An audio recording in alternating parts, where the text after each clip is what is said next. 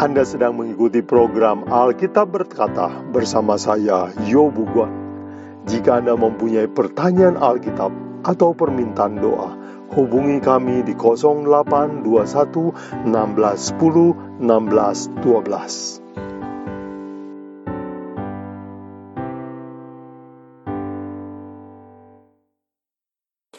Bapak Ibu Saudara sekalian pendengar setia Alkitab berkata, selamat bergabung kembali Hari ini kita akan belajar sebuah topik yang menarik, yaitu hapuskanlah hutang kami. Mari saudara sekalian kita berdoa. Bapa kami di surga, betapa banyaknya dosa kami di hadapan Tuhan. Betapa murah hatinya Tuhan mengampuni kami. Bapa di surga, ajari kami memiliki tabiat seperti itu supaya kami juga sanggup mengampuni orang yang bersalah kepada kami, supaya dengan demikian kami dapat layak mendapatkan pengampunanmu. Tolong semua pendengar supaya sehat selalu, berkati pelajaran kami, kiranya roh Tuhan menolong kami mengerti dan menghidupkan pelajaran firman Tuhan ini. Dalam nama Yesus kami berdoa. Amin. Bapak Ibu, Saudara sekalian, hari ini pelajaran kita adalah hapuskanlah hutang kami. Baik Saudara sekalian, yang akan kita bicarakan ini apa? Yang akan kita bicarakan adalah pengampunan. Yesus menggunakan kata hutang untuk menyamakan dengan pengampunan. Mari kita baca di dalam Matius 6 ayat 12. Di dalam doa Bapa kami, Yesus mengajarkan dari Matius 6 ayat 9 sampai 13 dan di dalamnya ada tentang pengampunan.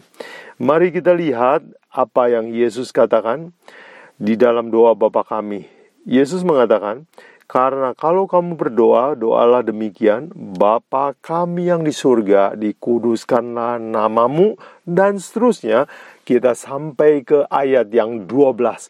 Yesus katakan, dan ampunilah kami akan kesalahan kami, seperti kami juga mengampuni orang yang bersalah kepada kami.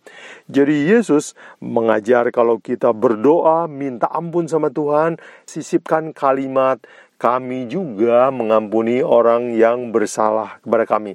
Kenapa harus ditambahkan kalimat itu? Rupanya itulah syarat diampuni. Dan kita tahu bahwa itu syaratnya pengampunan dicatat di Matius 6 ayat 14 dan 15 yaitu penutup setelah Yesus mengajarkan doa Bapa kami dikatakan demikian dan Yesus menekankannya dalam dua ayat. Perhatikan, karena jikalau kamu mengampuni kesalahan orang, Bapamu yang di surga juga akan mengampuni kamu ayat 15. Tetapi jikalau kamu tidak mengampuni orang, Bapamu juga tidak akan mengampuni kesalahanmu. Jadi penekanan yang berulang itu mengindikasikan bahwa Yesus serius dengan ucapannya. Jadi siapa yang tidak bisa mengampuni kesalahan orang, dosanya juga tidak akan diampuni. Jadi kalau begitu kita dapatkan sebuah kesimpulan dari ayat yang Yesus ajarkan ini yaitu pengampunan, mengampuni orang lain adalah syarat kita diampuni oleh Tuhan. Dan itu artinya pengampunan adalah syarat keselamatan.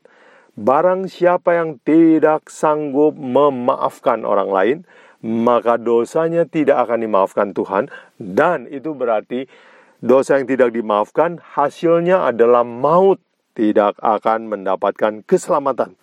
Jadi kita dapatkan sebuah doktrin, ajaran yang penting dari Yesus Kristus, yaitu Tuhan kita adalah Tuhan Maha Pengampun kalau kita datang minta kepadanya. Tetapi ada satu syarat, yaitu syaratnya kamu juga harus lakukan kepada orang lain. Baik, menarik sekali memperhatikan kata dalam bahasa aslinya. Bahasa aslinya digunakan kata ophilema atau opilema yang artinya hutang. Jadi kalau dalam bahasa aslinya ayat Matius 6 ayat 12 ditulis demikian dan hapuskanlah hutang kami ya seperti kami juga menghapuskan hutang orang lain kepada kami. Jadi mengampuni orang lain itu sama dengan menghapuskan hutang. Jadi kalau begitu memaafkan orang sama dengan menghapuskan uh, hutang-hutangnya. Untuk menjelaskan ajaran ini, Yesus memberikan sebuah perumpamaan tentang menghapus hutang dan itu terdapat di dalam Matius 18. Dikatakan dalam Matius 18 itu kisahnya mulai dari 21 sampai 35. Nah, Yesus memberi perumpamaan ini menjawab pertanyaan Petrus ya. Di dalam Matius 18 ayat 21 Petrus bertanya, Tuhan, berapa kali kami harus mengampuni saudara yang berbuat dosa terhadap aku? Apakah tujuh kali? Yesus menjawab kepadanya, Bukan, aku berkata kepadamu, bukan sampai tujuh kali, melainkan sampai tujuh puluh kali tujuh kali. Artinya tujuh puluh kali tujuh adalah empat puluh sembilan. Lalu Yesus menceritakan sebuah perumpamaan mulai dari ayat 23. Dikatakan, sebab hal kerajaan sorga seumpama seorang raja yang hendak mengadakan perhitungan dengan hamba-hambanya. Jadi raja ini adalah lambang dari Tuhan dan hamba-hambanya adalah kita manusia. Nah, dipanggillah seorang hamba yang mempunyai hutang dikatakan jumlahnya 10.000 talenta. Satu talenta adalah 30 lebih kilogram. Jadi kalau orang berhutang emas dalam jumlah 10.000 talenta itu banyak sekali hutangnya. Dan tujuh keturunan pun dia tidak bisa melunasi hutang ini. Jadi orang ini dipanggil suruh bayar. Tetapi orang ini memohon belas kasihan. Dia bilang, oh saya tidak punya uang sekarang. Berilah saya waktu, sabar nanti saya lunasi. Uh, tetapi dicatat oleh Alkitab dikatakan, lalu tergeraklah hati raja dan berbelas kasihan sehingga dia membebaskan dan menghapuskan hutangnya. Raja bermurah hati, hapus hutangnya raja tidak lagi menagih kepada dia. Orang ini keluar dengan sukacita dari hadapan raja. Dalam perjalanan pulang dari istana raja, dia bertemu dengan teman yang berhutang hanya 100 dinar. Hutang 100 dinar itu bisa dibayar kira-kira kalau orang bekerja tiga bulan. Jadi sebenarnya hutangnya nggak terlalu besar-besar amat.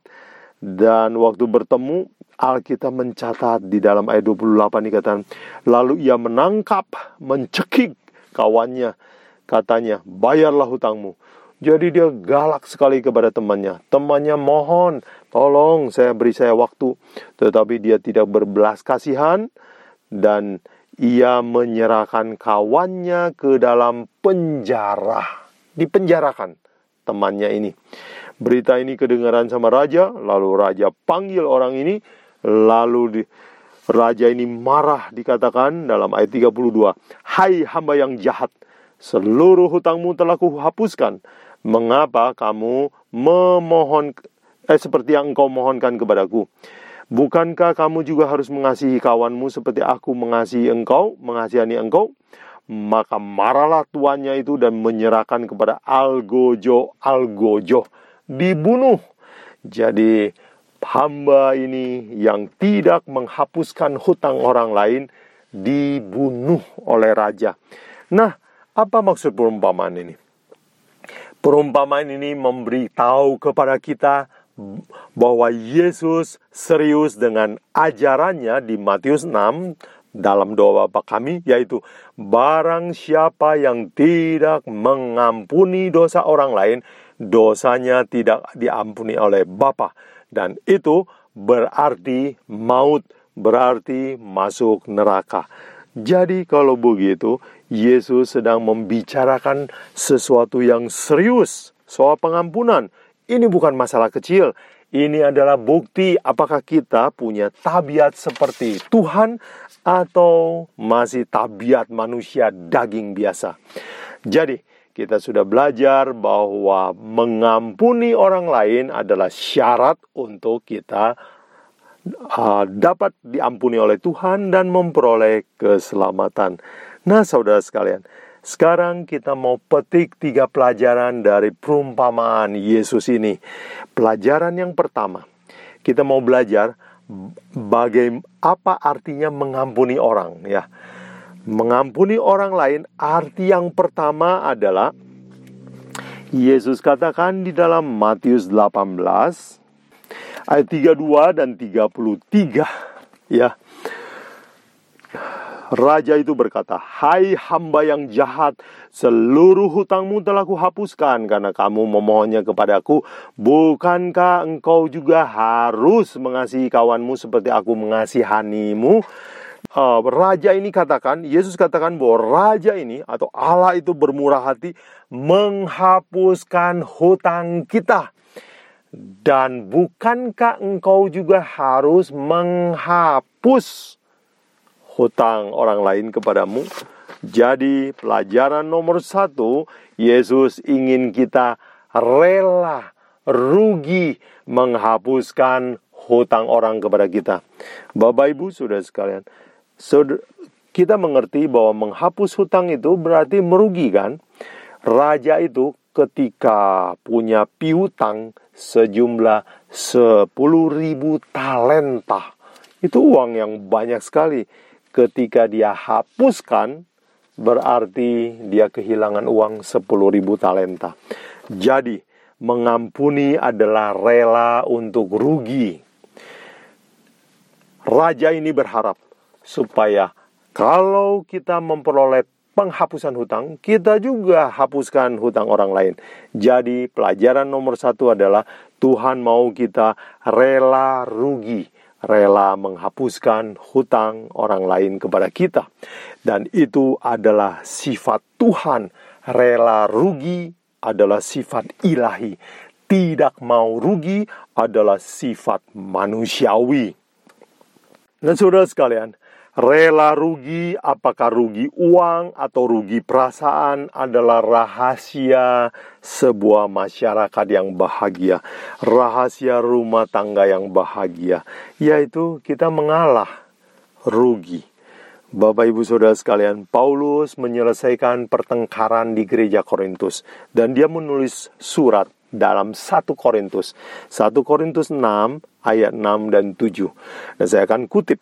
Saudara perlu tahu latar belakangnya bahwa di Korintus orang-orang gereja kalau ada persoalan sering saling menuntut di pengadilan dan Paulus tidak senang mendengar berita ini. Dia tulis begini, 1 Korintus 6 ayat 6 dan 7. Adakah saudara yang satu mencari keadilan terhadap saudara yang lain dan justru pada orang yang tidak beriman? Ayat 7 adanya saja perkara di antara kamu yang seorang terhadap yang lain hmm, telah merupakan kekalahan bagimu. Mengapa kamu tidak lebih suka menderita ketidakadilan? Mengapa kamu tidak lebih suka dirugikan? Bapak Ibu, sudah sekalian, Paulus mengajarkan bahwa orang Kristen harus rela untuk rugi.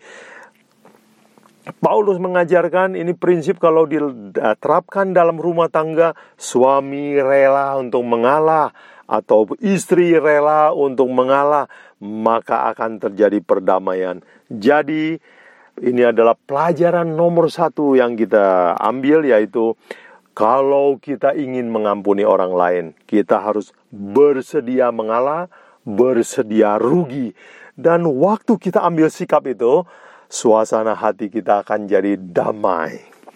Bapak Ibu, Saudara sekalian, saya ingin ceritakan pengalaman saya.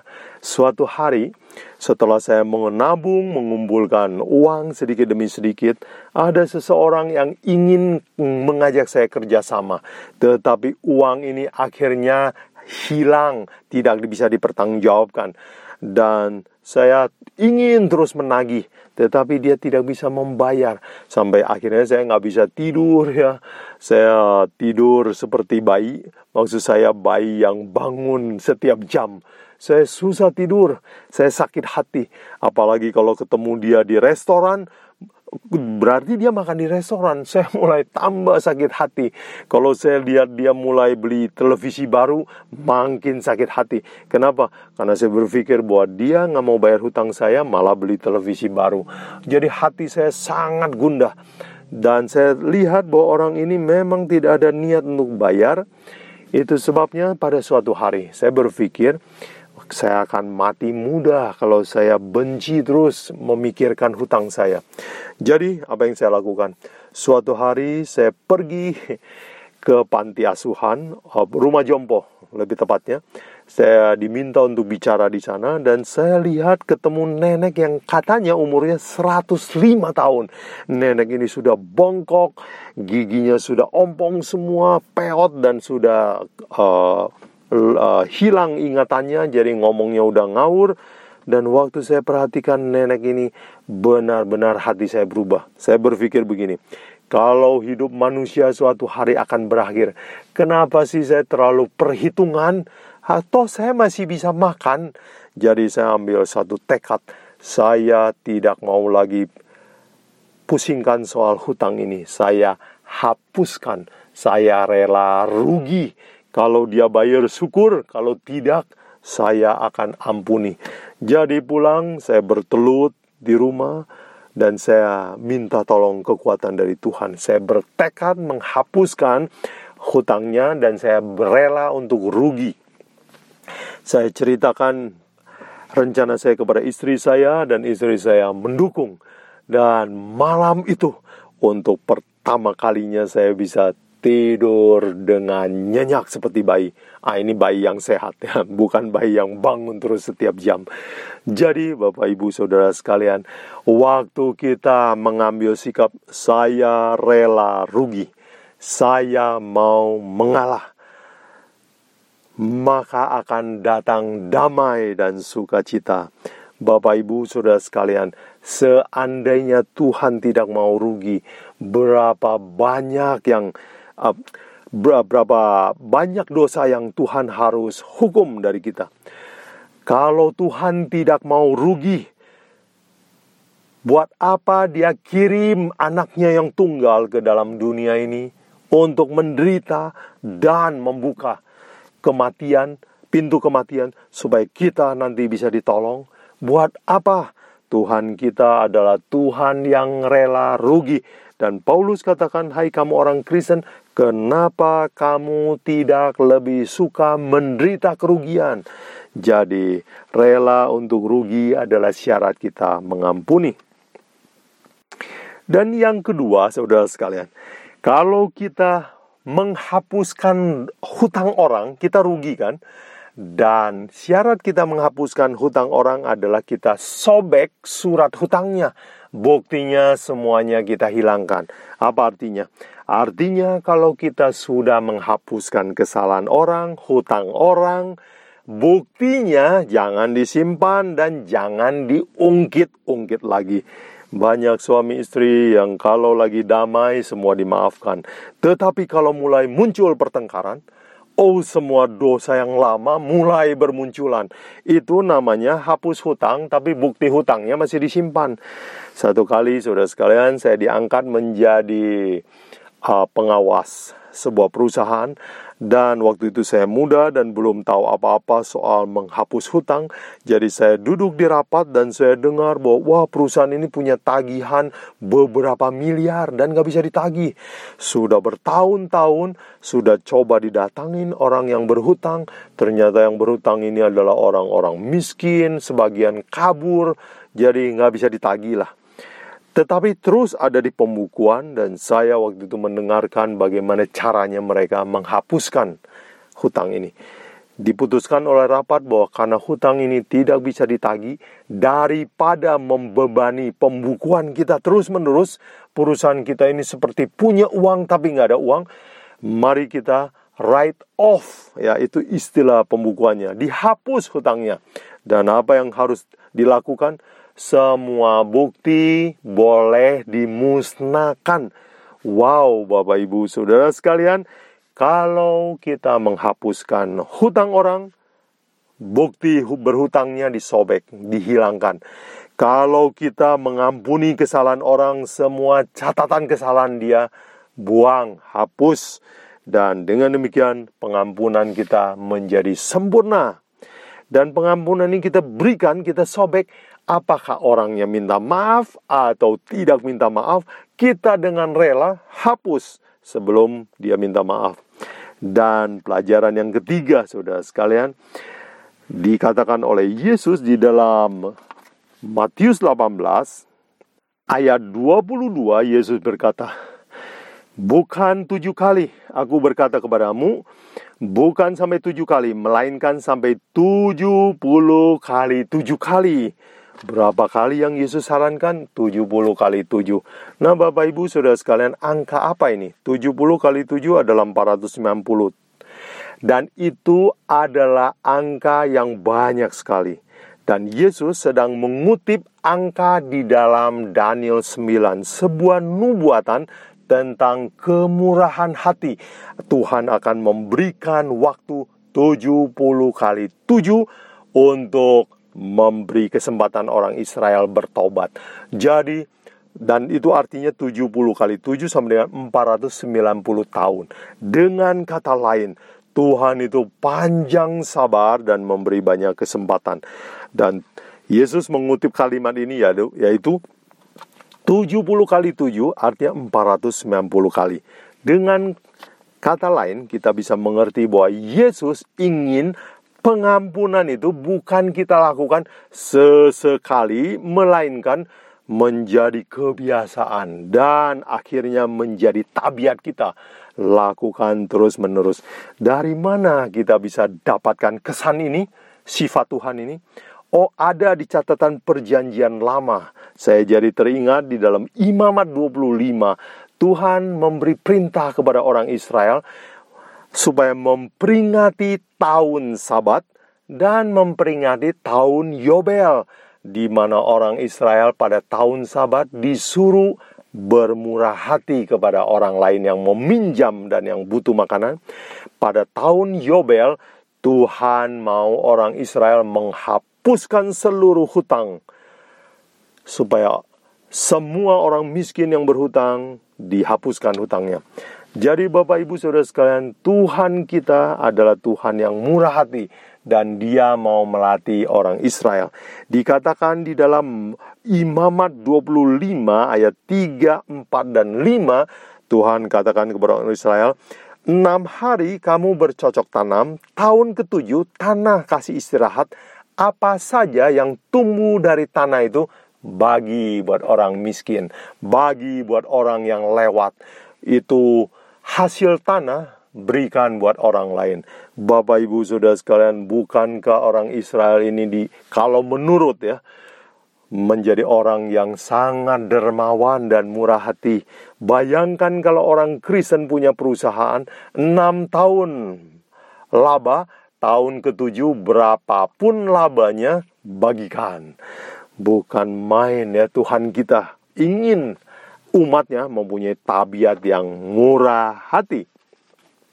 Nah, itu tahun ketujuh disebut tahun sabat. Dan hitung lagi tujuh tahun berikutnya berarti tahun ke-14 dan tujuh tahun lagi tahun 21 dan seterusnya sampai tahun ke-49 mereka merayakan tujuh tahun sabat. Jadi setelah tujuh kali melakukan tahun sabat yaitu 49 tahun murah hati kepada orang lain, Tuhan masih menyuruh satu perintah lagi. Imamat 25 ayat 10. Kamu harus menguduskan tahun yang ke-50 dan memaklumkan kebebasan di negeri ini bagi segenap penduduknya. Itu harus menjadi tahun Yobel bagimu dan kamu masing-masing pulang ke tanah miliknya dan kepada kaum keluarganya. Kamu harus bebaskan semua hutang pada tahun ke-50 atau tahun Yobel atau Jubili dalam bahasa Inggris. Jadi saudara sekalian, Tuhan melatih orang Israel tahun ke-7 bermurah hati. Tahun 14 murah hati, tahun 21 murah hati, 28 murah hati, 35 murah hati, tahun 42 murah hati, tahun ke-49 murah hati. Dan puncaknya adalah tahun ke-50 semua hutang dibebaskan. Saya membayangkan kalau orang Israel mendengar perintah ini di umur 20 waktu dia mulai berbisnis atau bercocok tanam dan waktu jatuh tahun Yobel tahun 50 umurnya adalah 70 tahun. Dengan perkataan lain, Tuhan mau umatnya waktu 20 tahun belajar murah hati. Waktu tahun 27 murah hati. Ah, dan seterusnya sampai umur 70 masih murah hati. Apa artinya? Artinya Tuhan mau kebiasaan mengampuni hutang orang, mengampuni kesalahan orang itu diulang-ulang sampai menjadi sifat. Dan sifat itu harus diulang-ulang sampai menjadi tabiat. Dan memang mengampuni, menghapus hutang adalah tabiat ilahi. Membenci dan mendendam adalah sifat manusiawi.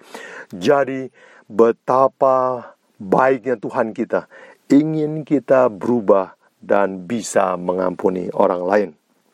Dan Tuhan ingin kita mengampuni orang bukan hanya sesekali, tetapi menjadi kebiasaan dan menjadi tabiat kita. Bapak, Ibu, Saudara sekalian, apa yang telah kita pelajari hari ini? Kita telah belajar dari Yesus Kristus bahwa mengampuni orang adalah syarat keselamatan. Siapa yang tidak mengampuni kesalahan orang, orang dosanya tidak akan diampuni Tuhan juga. Dan apa artinya? Bagaimana caranya mengampuni? Nomor satu, bersedia mengalah, bersedia rugi. Yang kedua, hapus semua bukti kesalahannya, sobek semua surat hutangnya. Yang ketiga, lakukanlah ini terus-menerus berulang dari kita muda sampai ke kita tua sampai mengampuni orang menjadi kebiasaan kita. Dan ulangi terus sampai menjadi tabiat kita. Dan dengan memiliki tabiat yang seperti Kristus inilah Tuhan akan mengizinkan kita masuk kerajaan yang Dia sediakan. Bapak, Ibu, saudara sekalian, betapa indahnya pengampunan, walaupun rugi, tetapi kita jadi untung karena kita mendapatkan damai sejahtera, berdamai dengan semua orang, dan bukan hanya itu saja, kita dapat hidup yang kekal. Semoga pelajaran hari ini mengubah hidup kita selama-lamanya. Tuhan memberkati.